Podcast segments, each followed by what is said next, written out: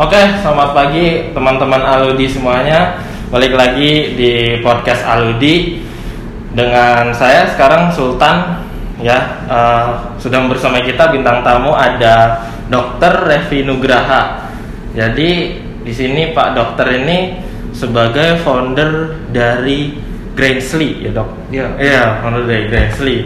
Mungkin eh, dokter bisa perkenalkan diri terlebih dahulu terkait Um, halo, nama saya Revi Nugraha. Saya seorang dokter dan juga um, wira swasta, co-founder dari ada brand Grainsly dan juga ada Light Salt sama ada satu lagi Bumi Bites. Kita bergerak di bidang uh, makanan sehat dan kita um, punya visi misi sih untuk normalize healthy living Hmm, sama untuk membantu ya. orang untuk bisa mempunyai hidup yang lebih baik dari lifestyle yang lebih baik sih. Oke, terkait lifestyle lebih baik. Nah, mungkin eh, sebelum kita lebih lanjut, mungkin bisa perkenalkan diri terlebih dulu nih dok terkait Grainsly ini apa sih, eh, seperti apa ini?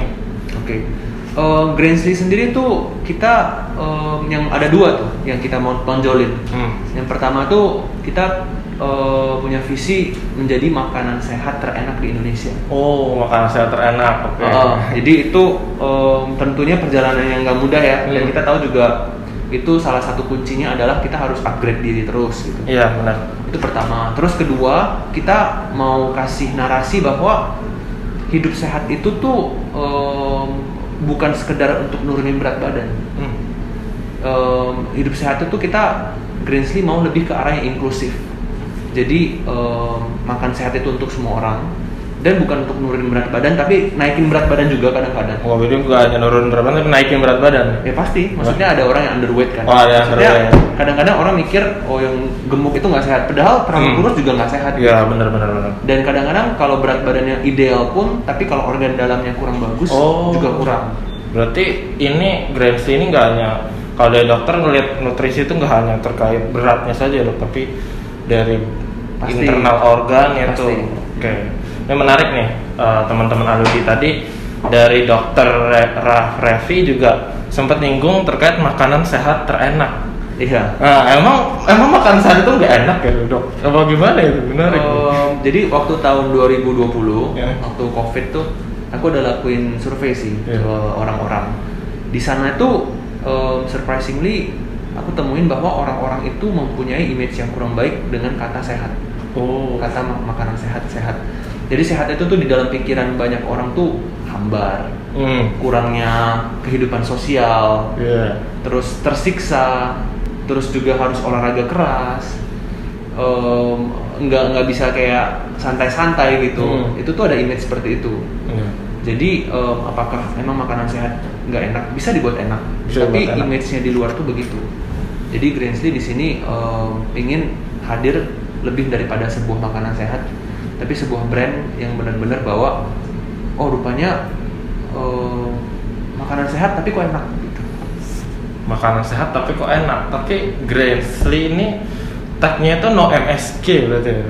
Iya, no MSG No pasti. tapi Pasti. bisa enaknya itu seperti apa dok cara biar makan ini enak Sejujurnya pasti susah untuk lebih enak daripada mie instan atau nasi padang di Hmm, luar ya, sana. benar-benar. Itu Gurihnya bukan main Gurihnya kan. iya. Em, tapi bisa kok dibuat enak. Jadi kebanyakan kalau makanan sehat mau dibuat enak tuh oke kita beberapa bahan seperti em, MSG kita nggak pakai. hmm, Sebenarnya MSG oke tapi harus cuma sedikit ya. sedikit Em, terus sodium gula itu juga kita kurangi. Gimana buat enaknya itu biasa dari bumbu-bumbunya. bumbu-bumbunya Eh, jadi bawang-bawangan, berarti bumbu-bumbunya lebih diracik lebih ini ya Benar. Terus eh, kalau misalnya kita tahu secara rasa mungkin nggak susah untuk segurih yang tadi saya bilang, eh, berarti kayak teksturnya tuh harus bener-bener on point ya. Terus juga eh, tingkat kematangannya, terus ya bumbunya juga harus meresap. Cara masaknya harus benar-benar diperhatiin dari sana sih. berarti ini eh, dari segi masaknya juga harus skillful juga berarti ya dok untuk ini ya, bisa dibilang iya. bisa bilang iya kayak gitu terus mungkin tadi ada lagi nih dok yang menarik tadi yang terkait ini kan uh, Grainsly ini nggak hanya nurunin berat badan tapi naikin berat badan dan juga terkait kesehatan internal organ tubuh kita nah itu sebenarnya kalau dari Grainsly atau mungkin dari brand yang lain Lesel Diet itu untuk memonitor seperti itu itu bagaimana? Jadi em, yang pertama aku ingat banget satu orang pernah WhatsApp aku. Hmm. Jadi dia bilang em, dia panggil dia, dia panggil aku ya dia, dia, dia bilang gini deh dok aku eh, kalau nggak makan boleh nggak dia bilang gitu Kalau nggak makan. ah terus aku bilang ya boleh boleh aja kan intermittent fasting kita tahu juga ada manfaatnya gitu Ya puasa gitu ya dok. Puasa. Maksudnya. terus dia nanya lagi "E, dok kalau misalnya aku korek di belakang mulut aku kalau apa tenggorokan aku Hmm. kerongkongan untuk muntahin makanan aku boleh nggak Oh. terus di sana aku mulai curiga kan ada apa ini gitu terus aku nanya-nanya rupanya dia terkena satu mental penyakit mental ya namanya anoreksia Hmm. jadi itu takut untuk memasukkan makanan di dalam tubuhnya hubungannya dengan makanan tuh nggak baik dan ini tuh biasa orang-orang ini kena kebanyakan cewek Cewek. terus adalah orang-orang yang takut gemuk Hmm. Takut makan sedikit udah langsung nambah. Bener. Badannya gitu. bener jadi aduh kalau makan makanan gitu terus mau minum obat pelangsing Oh. atau minum teh pelangsing untuk dikeluarin atau makan dikorek oke kalau secara berat badan itu bisa ideal Bisa dengan ideal. cara begitu tapi apakah itu sehat? Hmm. Karena Sultan juga tahu tuh nggak sehat gitu Iya sih nggak sehat jadinya. jadi kan lapar. Gransley melihat banyak em, orang mempunyai state seperti itu dan kita rasa narasinya tuh perlu diubah banget. Jadi kalau di Gransley kita em, jarang banget untuk kasih lihat oh ini turun berat badan seberapa banyak dalam waktu sesingkat mungkin. Itu kita nggak mau Hmm. em, angkat cerita begitu. Karena cerita begitu bisa memotivasi orang untuk ke arah anoreksia dan bulimia. Dan itu benar-benar banyak yang kena cuman nggak banyak orang em, cerita aja di luar. Jadi pendam aja sendiri gitu ya dok pendam sendiri atau yang menderita juga ya udah jalanin mereka pikir tuh normal. Terus mungkin karena ini juga nggak sih dok? Eh, orang-orang juga eh, awareness untuk konsul ke dokter, ter- nutrisionis terkait dirinya itu juga masih kurang sih. Ke dokter paling kan masih cuman ini ya dok cuman kalau sakit keras atau apa gitu. dan Termasuk- mungkin kita tahu kalau misalnya di dunia kesehatan tuh ada dua jenis untuk eh, mengatasi masalah di tubuh kita. Hmm. satu tuh kuratif yang kedua tuh preventif jadi kalau misalnya eh, kebanyakan dokter ini karena aku dokter juga aku bisa bilang Oh, iya. itu fokus di kuratif sebenarnya jadi kalau ada penyakit kayak tadi keras, Iya, kalau keras apa ya udah dikasih Oh, obat dikasih begitu obat, ya. cuman sangat jarang itu yang fokus kepada preventif jadi preventif itu eh, bukan hanya makanan atau eh, olahraga tapi juga mental state-nya itu harus diperbaiki Hmm. hubungannya dengan makanan hubungannya dengan kata sehat itu sendiri hubungannya dengan semua hal yang tadi kita bicarain itu tuh harus diperbaiki juga Oke, oke dok. Jadi ini kita udah nih, udah kenal nih Grancy sedikit lah, sedikit banyak udah ngerti. Mungkin sekarang kita lanjut aja ke bisnisnya nih dok. Oke. Ya, langsung ke bisnisnya. Sebenarnya alasan utama untuk milih healthy food sebagai uh, bisnis F&B ini kan kita bisnis kan ada banyak nih sektor-sektornya apa dan pasti dokter tahu kan alasannya apa sih dok? Uh, alasan utamanya oh yang healthy food aja deh saya fokus di sini kayak gitu bersama co- co-founder yang lain gitu.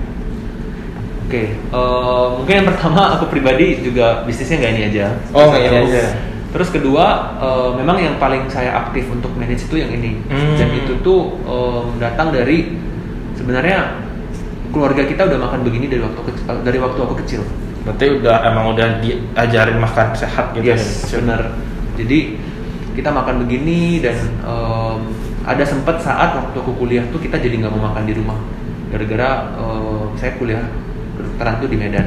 Oh di Dan kita Medan. tahu di Medan makanannya juara-juara, Ya juara-juara anak-anak ya. enak-enak. Jadi, waduh, kayak menemukan dunia lain gitu. Terus ya di sana mama saya lumayan sedih gitu. Waduh, anaknya jadi makan di luar terus nih. Gitu. Iya, Takut ntar jadi kolesterol. Iya, oh, dan itu tuh makanannya hajar, hajar banget. Hajar. Rekor aku tuh pernah makan 19 piring sekali. Sekali. Itu rekor. Bener-bener dokter Efri sebenarnya piring. Pernah sekali. Mukbang ini dari mukbang. dari mukbang. Terus em, abis itu mama aku sedih, Hmm. jadi dia gimana caranya supaya dia mak- makanannya tetap sehat, tapi dia buat enak masak tiap hari kasih kita kita nggak mau dia masak lebih enak lagi besoknya. Uh. Sampai satu titik kita mau makan di rumah. kita nggak mau makan di luar lagi ternyata enak ternyata enak bisa Dan enak, Enak dan sehat, sehat, dan gratis juga Dan dulu. gratis. iya jadi ngapain gitu. Eh, nah jadi kita semua anak-anak jadi makan di rumah Hmm. sampai sekarang juga kita sangat-sangat eh, suka sama masakan mama aku ya nah sebenarnya apa yang cara mama aku trade kita Hmm. itu yang kita bawa ke Greensley, Lysol dan Movie Bites itu Hmm, gitu. Berarti ini berdiri tahun biasanya? sebenarnya kita berdiri dari tahun 2014 Tapi kita udah mulai ini kan dari waktu kita kecil tapi di keluarga kita sendiri Kalau ini 2014, Greensley sebenarnya baru. Baru. Greensley itu tuh bulan Juni 2021, berarti zaman pandemi berarti ya? zaman pandemi. Itu- Setengah tahunan lalu. Oh. Baru, baru banget. Iya menarik nih zaman pandemi berdiri tapi yang sebelumnya berarti itu usaha apa itu kalau sebelum Gracely? Ya agak rumit ya ceritanya ya. Rumit. Jadi dulu tuh namanya Sante. Canting, Sante. Sante. Iya, oh, udah jalan 2 tahun. Hmm. Terus pandemi kan. Hmm. Habis itu eh, kita rasa manajemennya lebih bagus kalau kita yang take over. Hmm. Terus kita take over, kita acquire juga semua sahamnya jadi kita punya. Hmm. Kita pindahin dapur ke headquarter kita. Ya. Kita jalan dalam bentuk catering selama setengah tahunan ini. Dan di bulan Februari ini kita baru launching ke arah retail. Ke retail. Ya, Bulan Februari 2022 ini.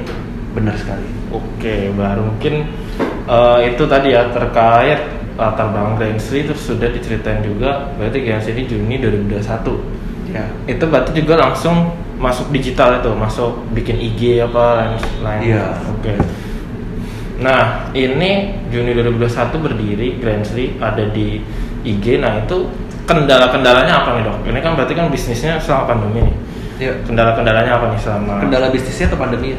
kendala bisnisnya Oke. yang selama pandemi ini mungkin Jadi bisnis makanan sehat tuh lumayan unik ya. Mm-mm. Jadi eh, yang pertama entry point-nya tuh luas banget. Hmm. Jadi Sultan besok mau mulai juga bisa. oh bisa Buat Instagram ada dapur udah bisa mulai. Kita juga se- sebelumnya di Jakarta kita mulai itu tuh di apartemen.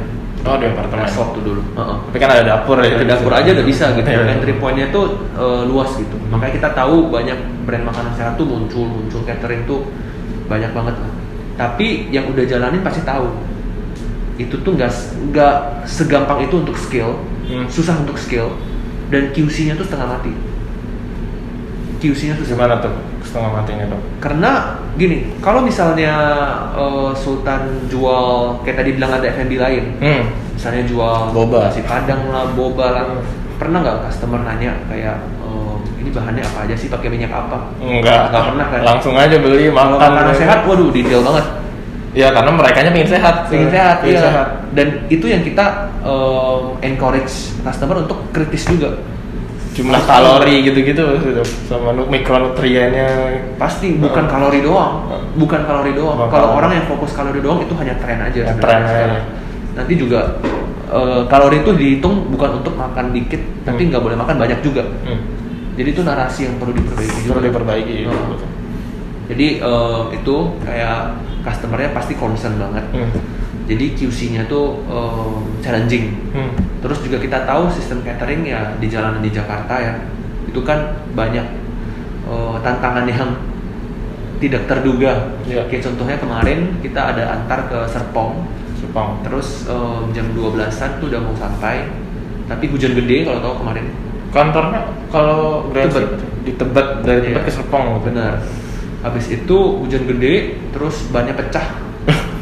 Jadinya ya telat gitu. Telat. Banyak kejadian-kejadian gitu. Jadi QC-nya tuh nggak segampang itu. telat dan orang udah lapar gitu Bener. Abis itu kalau misalnya eh, kita dibilang kayak misalnya Sultan misalnya mulai ada dapur gitu bisa mulai Sultan yang pegang CS-nya, Hmm. Sultan yang kontrol masaknya, Sultan yang apa ya tuh mungkin lebih bisa terkontrol tapi kan nggak bisa banyak. Iya. Paling 20 box, 30 box, 40 box. Hmm. 50 box paling banyak deh. Udah itu udah nggak tidur-tidur mungkin. Tapi begitu Sultan udah ada tim, gimana tim itu bisa sepeduli Sultan, Hmm. bisa se apa ya, se, sedetail, seteliti Sultan itu tuh yang eh, kerjaan lain lagi yang nggak nggak gampang. jadi itu lebih ininya ya lebih apa eh, segmen ini banyak terus untuk lebih marketingnya lagi mungkin bisa diceritain marketingnya selama ini seperti apa kalau marketing sih sebenarnya ilmunya itu mungkin eh, lebih pakem ya. Maksudnya makanan sehat atau yang lain tuh lumayan mirip. Hmm. Cuman apanya aja yang apa narasinya aja yang harus kita pilih gitu. Tapi yang kita belajar adalah eh, marketing tuh bukan sekedar program marketingnya aja, Hmm. tapi produk sama service itu juga bagian dari marketing. Hmm. Jadi sebelum kita marketingin produk sama service kita harus unggul dulu nih. langsung dulu Iya, eh, itu pertama. Terus kedua, alangkah bagusnya kalau eh, semua program marketing itu tuh ada, ini mungkin bahasanya agak awang-awang ya, Hmm. tapi ada jiwanya gitu. gimana tuh jiwanya Kerasa nggak sih brand yang bener-bener, oh kayaknya ownernya peduli banget gitu, terus kayaknya nggak asal-asal. artinya nggak cuma demi cuan ya Benar, Iya. kerasa nggak sih? kerasa sih Kerasa kan? Heeh. Nah itu tuh yang eh, kita pengen, bukan pengen sih, yang kita benar-benar komit untuk ada gitu. Kita nggak buat ini tuh untuk cuan aja. jadi membuat produk itu sepenuh jiwa ya Sepenuh jiwa benar. jiwa. Jadi marketingnya semua tuh eh, yang pertama yang, yang pertama itu dulu tuh baru eh, kita percaya in the power of clarity. Jadi Hmm. apa nih clear message yang kita mau sampaikan kita fokus ke sana. tapi ini kan berarti segmented jatuhnya karena kan orang-orang aware terhadap hidup sehat itu kan mungkin banyak yang kayak sekedar tahu gitu oh ya hidup Iya. sehat ya paling ya asal makan begini asal begini nggak perlu lah yang kayak gitu-gitu catering apa sih catering catering sehat salad lah apalah yang gitu-gitu itu berarti kan eh, kerjanya itu double ya jadi tidak hanya eh, marketing ke orang-orang yang ingin memang sadar akan hidup sehat tapi kan juga bagaimana membangun awareness orang-orang itu juga ya Benar, benar banget tuh. Hmm. Eh, itu good question banget. Hmm. Jadi em, aku percaya Hmm.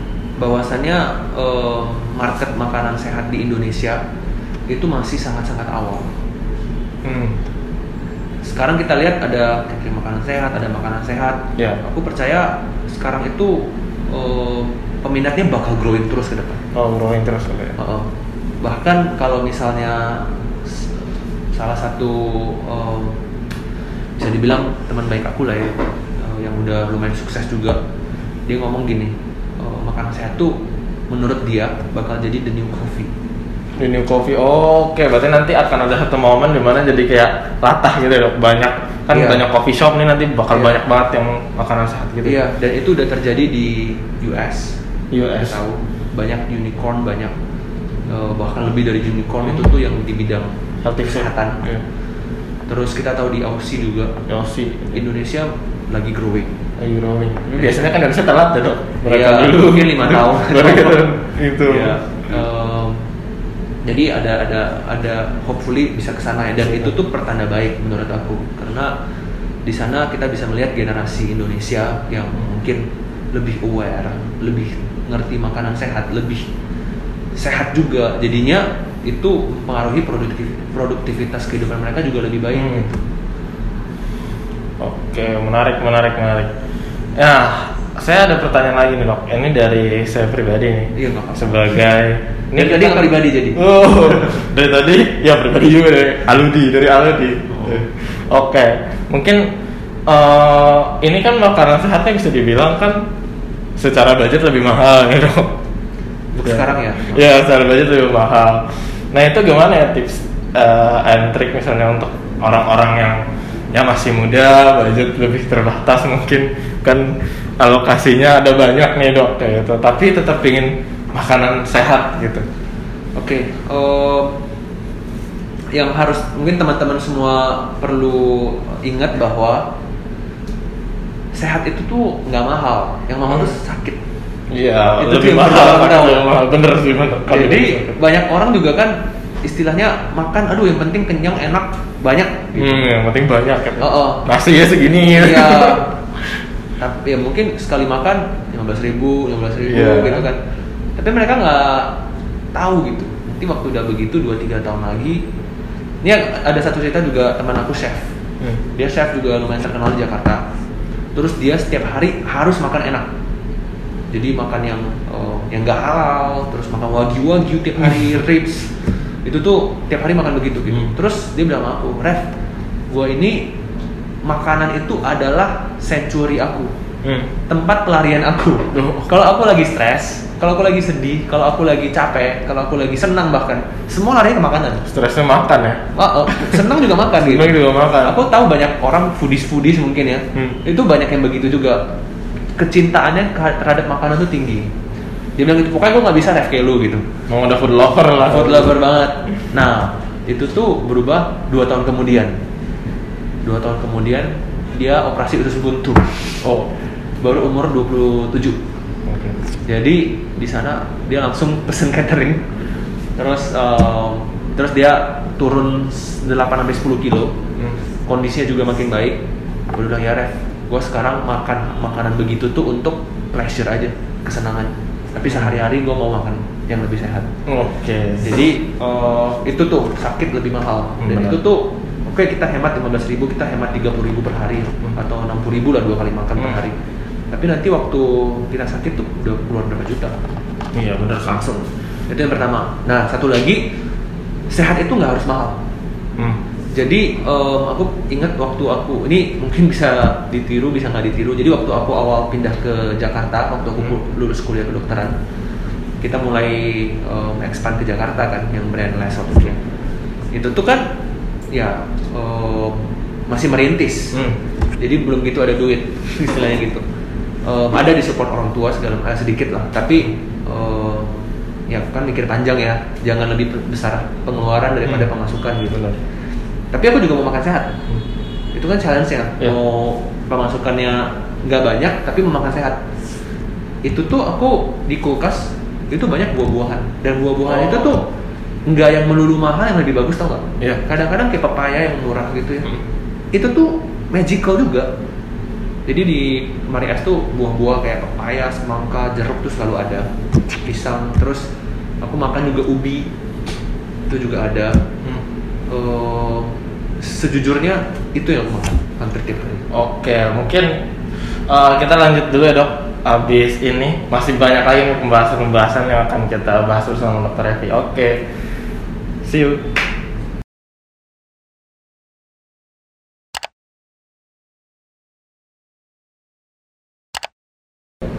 Oke, kembali lagi nih bersama saya dan juga Dr. Evi.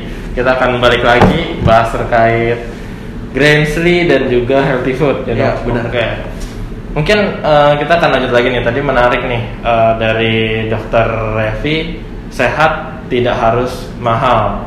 Nah, sekarang ini oh, istilahnya kan kita masyarakat itu kan berbagai macam lapisan ya dok. Iya, betul. Ada lagi la- ada lapisan masyarakat yang mungkin eh, kan secara ekonomi agak, agak berbeda nih dok. Apalagi misalnya dia itu udah secara ekonomi berbeda masih mahasiswa gitu. Iya. Saya dengar-dengar itu juga eh, dulu teman-teman saya yang mahasiswa itu ada yang meninggal karena ginjal, ada yang meninggal karena diabetes. Jadi Banyak loh sekarang. hal yang seperti itu dok dan itu karena apa? Karena mereka ngirit gitu, ngirit misalnya makan mie, udah gitu pusing dikit minum obat, ya kan? Atau misalnya kuliner-kuliner mahasiswa itu kan bener-bener eh, junk food ya banyak kan makan geprek, makan apa, udah gitu-gitu aja gitu. Benar. Kehidupannya itu seperti itu. Nah itu kalau yang seperti itu itu dari dokter sendiri gimana tuh dok? Oke. Tadi kan jawaban yang tadi kan mungkin udah ada yang dengar ya. Ah, ah, udah dengar tadi. Kalau itu sebenarnya saran aku belajar masak. belajar masak. Belajar masak. Jadi kita tahu gitu. Waktu aku kecil, Ya. Aku kan papa aku dokter ya. Ya. Kakek aku juga dokter semua. Aku dengar lah cerita-cerita kayak pasien sakit segala macem. Hmm. Itu tuh yang kolesterol, darah tinggi, asam urat. Itu tuh biasa umur 40 ke atas. Hmm. Dulu. Dulu. Sekarang, waduh, 25, 24, 23 itu aduh leher aku udah ke apa aku kayak Iya, iya, gitu. lehernya udah ini, gila berat sekarang ya Iya. umur 20-an awal kayak tadi em, Sultan juga bilang gitu teman-teman kuliah ada yang begitu gitu bahkan ada yang meninggal juga Ada yang meninggal. sorry sorry to hear about Iya. that juga nah itu tuh em, nah kenapa orang zaman dulu begitu apakah zaman dulu makannya superfood enggak enggak juga gitu cuman yang berubah ini adalah em, satu cara masaknya Cara masaknya. jadi kalau orang dulu tuh tuh terbiasa yang namanya slow cooking slow cooking. Kalau sekarang fast gitu ya. fast Lebih- sekarang fast goreng goreng goreng dulu tuh em, kayak saya inget nenek saya ya kalau Hmm. masak walaupun kita makan em, misalnya ribs gitu ya atau misalnya Hmm. makan daging sapi apa bistik daging sapi Hmm. dulu itu tuh direndam dulu Ini prosesnya lebih itu. lama. prosesnya lebih lama gitu setiap bahan itu di prep dulu terus dimasaknya juga em, minyaknya juga ya diperhatikan sekarang kalau tahu ada sebenarnya ada sisi yang bagus ada yang jeleknya Mhm. itu kita tahu eh, bisnis semakin besar mereka mencari cara untuk mendapatkan customer semakin banyak dan mereka mencari cara juga untuk menurunkan harga serendah Oh, mungkin ya mental pebisnis lah. ya dan itu tuh kadang-kadang yang diresikukan dikompromiin kualitas Hmm. dan uh, aku tahu Sultan juga mungkin kenal kenal F&B owner banyak ya. Iya. Ya aku nggak salahin satu dua atau apa nggak ada. Heeh. Tapi aku tahu cara pikirnya pasti gimana buat orang ketagihan sama produk dia. Bener nggak? Nggak mungkin dia mikir ini bisa buat dia sehat nggak? Nggak mungkin dia mikir gitu. Berarti jadi kayak produk-produk jadi kayak rokok gitu dong, dong. biar adiksi, biar adiktif. Gini ya, kalau tahun aku lupa tahunnya ya, mungkin 2000-an awal ya. Itu ada percobaan itu eh, tikus. Tikus. Ada dua tikus. Hmm. Itu tuh setiap hari ini lab di Amerika lah ya. Hmm. Kayaknya Harvard atau apa. Salah Ya. satu universitas top deh yang lakuin. Setiap hari tikus tuh dikasih narkoba Hmm. sama dikasih eh, biskuit makanan manis. Aku nggak bilang brandnya. Makanan manis. Mungkin banyak orang tahu. Makanan manis. Setiap hari dikasih itu gitu. Hmm. Selama dua minggu atau sebulan. Udah dikasih itu setiap hari. Terus mereka dipuasain sehari. Nggak makan dua-duanya. Akibatnya ada gejala kan kayak apa? Craving cari makan gitu. Besoknya mereka disuruh milih Hmm. mau makan mau konsumsi narkoba Hmm. atau makanan manis ini. Atau makanan manis. Terus sudah tebak tikusnya pilih mana? Makanan manis. Makanan manis Berarti makanan manis lebih adiktif dari narkoba. bisa. Dan kita tahu kayak perusahaan makanan besar yang raksasa, mereka ada satu namanya Bliss Point. Ini bukan sesuatu yang jahat atau apa, tapi ya tuh the way of people doing business aja. Bliss Point itu tuh bahkan ada departemennya sendiri. Mereka tuh mencari yang namanya manis, asin, eh, rasa-rasa bahkan pahit atau apa tuh. Mereka ada satu Bliss Point, waktu kita makan itu bakal kesampai ke otak kita. Dan itu buat kita untuk mau beli produknya terus menerus gitu, Hmm. teksturnya juga segala macam gitu. Jadi em, aku nggak nyalahin orang-orang yang istilahnya setiap hari suka ngemil, jajan, karena memang produknya didesain seperti itu. Yang kita harus lakuin sebagai em, ya manusia ya, Hmm. ini lebih besar daripada yang kita ngomong ini, adalah ya jangan terikut arus. Mau makan begitu sekali-sekali boleh. Boleh. Aku juga kadang- kadang-kadang makan begitu. Tapi kita harus bedain makanan yang kita makan untuk kesenangan Sama rutin ya. sama yang rutin gitu, Hmm. yang untuk menutrisi tubuh kita itu kita harus pisahin jadi kalau misalnya nggak punya duit atau apa ya belajar masak. Beli bahan-bahan yang sehat. Masaknya juga jangan yang cepet-cepet aja instan-instan gitu. Sediain waktu untuk masak gitu. Berarti ngaruh ya dok kalau masak cepet sama masak lambat ya. Eh, sebenarnya sih ada juga masak cepet yang bagus ya. Saya kukus gitu ya. Oh iya. oke gitu. Eh, cuman kalau kita otaknya tuh instan doang itu tuh kebanyakan ya larinya ke mie instan misalnya mau masak ya ya udah saya masak besok mie instan gitu Iya. terus tau nggak kalau orang kayak perhatiin kalori kalori kalori Mm-mm. itu satu bungkus mie instan paling nggak sampai 300 kalori Iya. kecil bener, juga bener, bener, makan bener. tuh apa gendut enggak Enggak. tapi sehat nggak Enggak. enggak gitu jadi eh, ya masak juga harus diperhatiin gitu pilihlah makan makanan kalau bisa yang tanpa label Tanpa label. jadi kita ke supermarket nih, kita tahu kalau misalnya mie instan atau misalnya biskuit-biskuit, snack-snack, itu kan ada tuh um, label nutrition fact. Oh iya iya. Tapi ada satu section lagi itu sayur-sayur buah-buahan tuh ada nggak? Oh, enggak ada. Nggak ada kan? Tapi kita tuh sehat. Oh ya, Belilah makan makanan yang begitu Kalau yang kayak gitu karena instan gitu ya. Bener. Oh, oke ngerti ngerti ngerti. Terus eh, ini ada lagi nih dok. Ini kan kita ada banyak nih fenomena-fenomena mukbang. Oh. Iya kan, fenomena mukbang. Tapi istilahnya banyak juga kayak ini gua nge-gym apa atau olahraga gitu. Jadi olahraga emang jalan, olahraganya keras, kardio keras.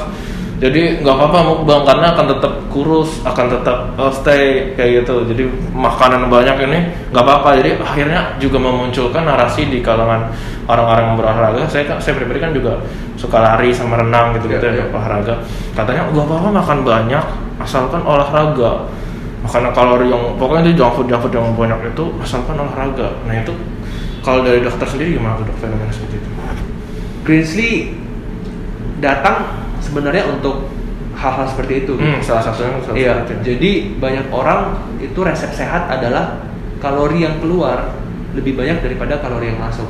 Hmm, Jadi fit terus gitu. iya Em, belum lagi ditambah pomade misalnya one meal at a day gitu-gitu ya, em, yang bisa sehat juga. Aku nggak pungkiri gitu, itu tuh bagus. Dan kalau misalnya kalori keluar lebih banyak daripada kalori masuk, tubuh kita ya harusnya bakal tetap ideal gitu. baru ideal Cuman em, yang aku pingin ngomong di sini adalah sering kali itu kesehatan organ di dalam kita tuh lebih penting dibanding kesehatan organ di luar. Sama penting lah. Sama penting. Kalau nggak lebih penting. Kayak kita tahu gitu, misalnya apa organ terpenting di tubuh kita? jantung Jantung, otak. otak Apakah otak sama jantung itu eh, misalnya deh banyak orang hindari gula sama karbo, iya ya kan? Hmm. Tahu nggak? Yang fuel otak kita tuh utama apa? Gula. gula gitu dari karbo buat energi ya bener jadi em, organ dalam kita tuh juga penting bukan juga penting sangat malah penting. Sangat penting jadi cara begitu oke untuk jaga nggak obesitas itu juga penting ya. Untuk jaga supaya em, mungkin metabolisme kita bagus itu bagus ya untuk olahraga juga. Tapi jangan lupa juga em, organ-organ tubuh lain. Kayak misalnya jantung kita kalau kita misalnya makan banyak tapi olahraga tapi makannya tuh minyak-minyak semua. Oh, kolesterol gitu gitu Heeh, mungkin badan kita oke, body fat kita bukan body fat ya, mungkin kita ada otot gitu ya, ya secara secara luarannya wah sehat lah ya sehat gitu. Cuman mungkin di dalam tuh eh, usus kita udah ada inflamasi, Hmm. atau mungkin eh, udah ada Sumbatan jantung. heeh, di pembuluh darah kita, ya. Heeh. atau mungkin eh, ada yang olahraga juga banyak yang habis olahraga ngerokok kan. oh iya benar-benar ya kuat juga Olahraga staminanya ngerokok. apa cuman ini Betul. semua itu um, yang pertama itu kayak permainan roulette tau gak? Hmm. ada orang itu yang nggak makan sehat sampai tua sehat-sehat aja. Iya benar-benar ya kan? Ada orang yang makan sehat dijaga bisa juga sakit. Ternyata ada ada hal lain yang dilakukan gitu. Jadi itu kayak roulette gitu. Jadi um, kayak roulette tau gak sih? Pistol ditembak Hmm. ada peluru atau enggak nggak tahu gitu. Oh iya kita nggak tahu gitu. Yang kita bisa lakuin tuh hanya um, kasih yang terbaik ya. Berarti berusaha Oh, hidup sehat lah. Sama kedua ya akumulasi ya. Jadi em, tentunya kayak hal-hal begini kalau kita nggak sehat tapi kita kita makan gaya hidup kita kurang sehat Mm-mm. tapi kayak kita sehat-sehat aja gitu. Nah itu tuh sebenarnya udah accumulate di dalam badan kita. Begitu juga sebaliknya. Kalau kita invest yang baik-baik ke dalam tubuh kita yang makanan yang bergizi terus oh, aktivitas yang baik untuk tubuh kita itu tuh juga akumulasi. Dan itu tuh yang nge- ngebedain em, aku kemarin ada lihat satu video dulu eh, satu orang tua umur 70 tahun Hmm. tapi masih bisa pull up push up badannya fit makan sehat segala macam kayak awet muda gitu dia bilang waktu aku umur 70 tahun mungkin kita sekarang ya umur 20-an 30 usia produktif ya Iya. Kita kalau kumpul kita ngomongin apa? Eh lu gimana kerjaan lu? Hmm. bisnis lu gimana? Udah sampai gimana? Oh gue udah berapa karyawan? Omset segini Ya. gitu. Oh gue udah beli rumah. Eh. gitu kan.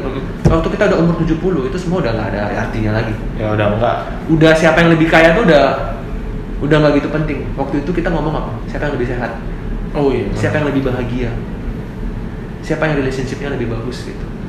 Jadi akumulasi itu tuh nanti kelihatan kok eh, di akhir gitu kita tahu juga sekarang orang-orang seperti Aderai ya dia juga teladan banget deh Hmm. orang-orang seperti kalau di luar negeri itu kita tahu kayak Tom Cruise sampai dibilang vampir umur 60 juga masih fit banget orang-orang begitu tuh mereka investasi yang baik dari muda Iya, dimulai dari muda. iya dan itu yang orang muda nggak kelihatan gua makan sehat lu nggak makan sehat sekarang mirip-mirip aja Hmm, masih. Ini nanti Oh. ketika usia udah berapa baru, baru kelihatan jadi investasi ya benar-benar menarik menarik. Terus ah ada lagi nih jadi muncul pertanyaan lagi tadi kan bicara nih soal kita kalau misalnya masih muda kumpul-kumpul obrolin pekerjaan kan gimana perusahaannya gimana ini kita kan melihat fenomena di ibu kota atau di kota-kota besar itu itu kalau bekerja udah banyak lembur Iya. terus udah gitu sampai mungkin pulang jam 3 pagi Iya. berangkat lagi jam 8, eh, 8 pagi gitu kan ah itu gimana tuh dok kalau fenomena yang seperti itu Oke. Em, tentunya kalau itu dilakuin untuk jangka waktu panjang nggak bagus ya. Tapi nggak dipungkiri kadang-kadang diperlukan untuk kerja seperti itu juga. hmm perlu kan diperlukan gimana tuh dok Tuh. Perlu kan kan misalnya kita lagi mau mulai bisnis atau misalnya mau bazar gitu. Oh, iya. Atau mau apa ya? Kalau kita nggak loading sampai malam, Hmm. nggak perhatiin untuk supaya bagus ya nggak bisa gitu. Em, jadinya harus pinter-pinter untuk em, tahu prioritas ya. Hmm. Maksudnya ketika kita ngomong gaya hidup yang seimbang, itu tuh kita bukan ngomong tentang oh saya 8 jam kerja, satu jam olahraga, Hmm. dua jam baca buku, sosmed cuma dibatasi dua jam, bukan begitu gitu. nggak se-strict itu? Gak se-strict itu, tapi mungkin kayak kerjaan kita lagi banyak banget nih. Kita mungkin bisa ke arah kerja, mungkin kita kerja lebih banyak. Hmm. 12 jam, mungkin 14 jam lembur. Yang lain kita agak korbanin. Tapi nanti waktu udah stabil, mungkin kita bisa ke arah yang lebih sehat gitu. Hmm. Ya udah kita kerja 6 jam, udah bisa, tapi kita invest waktu ke yang lain. Nanti udah punya anak, masih kecil, kita bisa lagi ke yang lain. Hmm. Oh kita uh, live our children childhood gitu. Kita bisa setengah tahun pertama terutama tuh lebih banyak di keluarga, 12 jam sama mereka, kerja juga remote, WFH atau apa gitu. Itu se- keseimbangan itu harus dijaga gitu. Nah waktu jaga keseimbangan itu salah satu yang perlu kita perhatiin adalah jaga fondasi. Dan fondasi udah pasti salah satu tuh kesehatan. Hmm. Kalau misalnya kita nggak sehat, kerja terganggu, semua juga terganggu. Itu kita tahu. Bahkan hal kecil, sakit gigi juga udah nggak enak. Iya. Satu gigi aja tuh, kita mau ngelakuin apa juga udah nggak enak gitu. Kesehatan tuh salah satu fondasi. Yang lain mungkin kesehatan mental kita, istirahat kita. Yang lain juga mungkin keluarga kita. Itu tuh fondasi-fondasi yang setiap hari kita harus invest. Gitu. Dan kesehatan sejujurnya kayak tadi eh, bilang lembur segala macam kan. Orang lembur juga butuh makan gak sih? betul Nah, eh, aku selalu bilang gitu, waktu kita setiap makan itu sebenarnya kesempatan tau nggak? Kesempatan untuk eh, mengkonsumsi kita Makan bisa apa? pilih tuh mau makan yang baik untuk tubuh kita atau yang enggak. Selalu waktu kita mau makan tuh ada pilihan itu. Tapi orang kan mungkin kalau sibuk nggak milih, nggak milih ya. hmm. Tapi ya mungkin eh, untuk yang dengar, mungkin mulai hari ini bisa milih makanan yang lebih baik kan. Nah ini nih, coba untuk teman-teman Aludi yang nonton ini bisa memulai ya hidup sehat dari sekarang ya. Iya. Dan juga tadi ada ngomong tentang ini berhubungan juga ke makan makanan yang sehat yang lebih mahal cenderung ya. Iya. Itu kita nggak pungkiri karena urban planning juga. Hmm. Jadi contoh misalnya em, kalau misalnya satu, satu tanah udah kena pestisida misalnya, itu tuh tanah-tanah sebelahnya juga udah nggak organik lagi. Oh gitu ya. Uh, dan pestisida kita tahu juga um, efektif panennya bisa jadi lebih banyak um, terus bisa lebih mass production jadi harga lebih murah jadi orang lebih pilih sana sedangkan yang organik yang sehat itu tuh bisa lebih jauh misalnya terus logistiknya lebih apa terus kali panen mungkin 30% minimal udah hancur harus diganti lagi belum lagi hama harus apa lebih mahal bisa sampai 2-3 kali lipat gitu cuma aku yakin aku percaya kalau misalnya kita apa ya invest di makan sehat dan makin banyak orang sadar ya dan demandnya makin tinggi supply-nya kan juga pasti makin tinggi ya. supply-nya. di sana bisa diturunin pelan-pelan ya harusnya Oke, oke eh, teman-teman mungkin itu ya dari dokter Revi. Tapi sekarang mungkin sebelum kita selesai ini segmen kita kali ini, mungkin dari dokter Revi sendiri tadi kan udah bilang nih bahwa kita ini kalau membuat usaha, membuat bisnis itu juga harus ada jiwanya ya kan. Iya. Dok? Jadi nggak hanya demi cuan, tapi juga istilahnya kita juga harus care dengan customer kita, care dengan produk kita yang akan dimakan atau dikonsumsi oleh customer kita. Mungkin dari dokter sendiri ada uh, wejangan gitu atau apa ya nasihat kepada pebisnis-pebisnis yang ini di luar sana yang lagi nonton podcast ini. aku yakin banyak yang lebih pintar juga ya di luar sana ya. Tapi mungkin em, yang aku pelajarin yang aku rasa penting itu kita masukin di em, nilai perusahaan kita itu. Jadi salah satunya itu adalah bos di perusahaan kita tuh cuma satu. Bukan ownernya bukan co-foundernya tapi customer. Jadi setiap uh, revenue yang kita ada setiap pemasukan yang kita ada itu tuh sebenarnya titipan.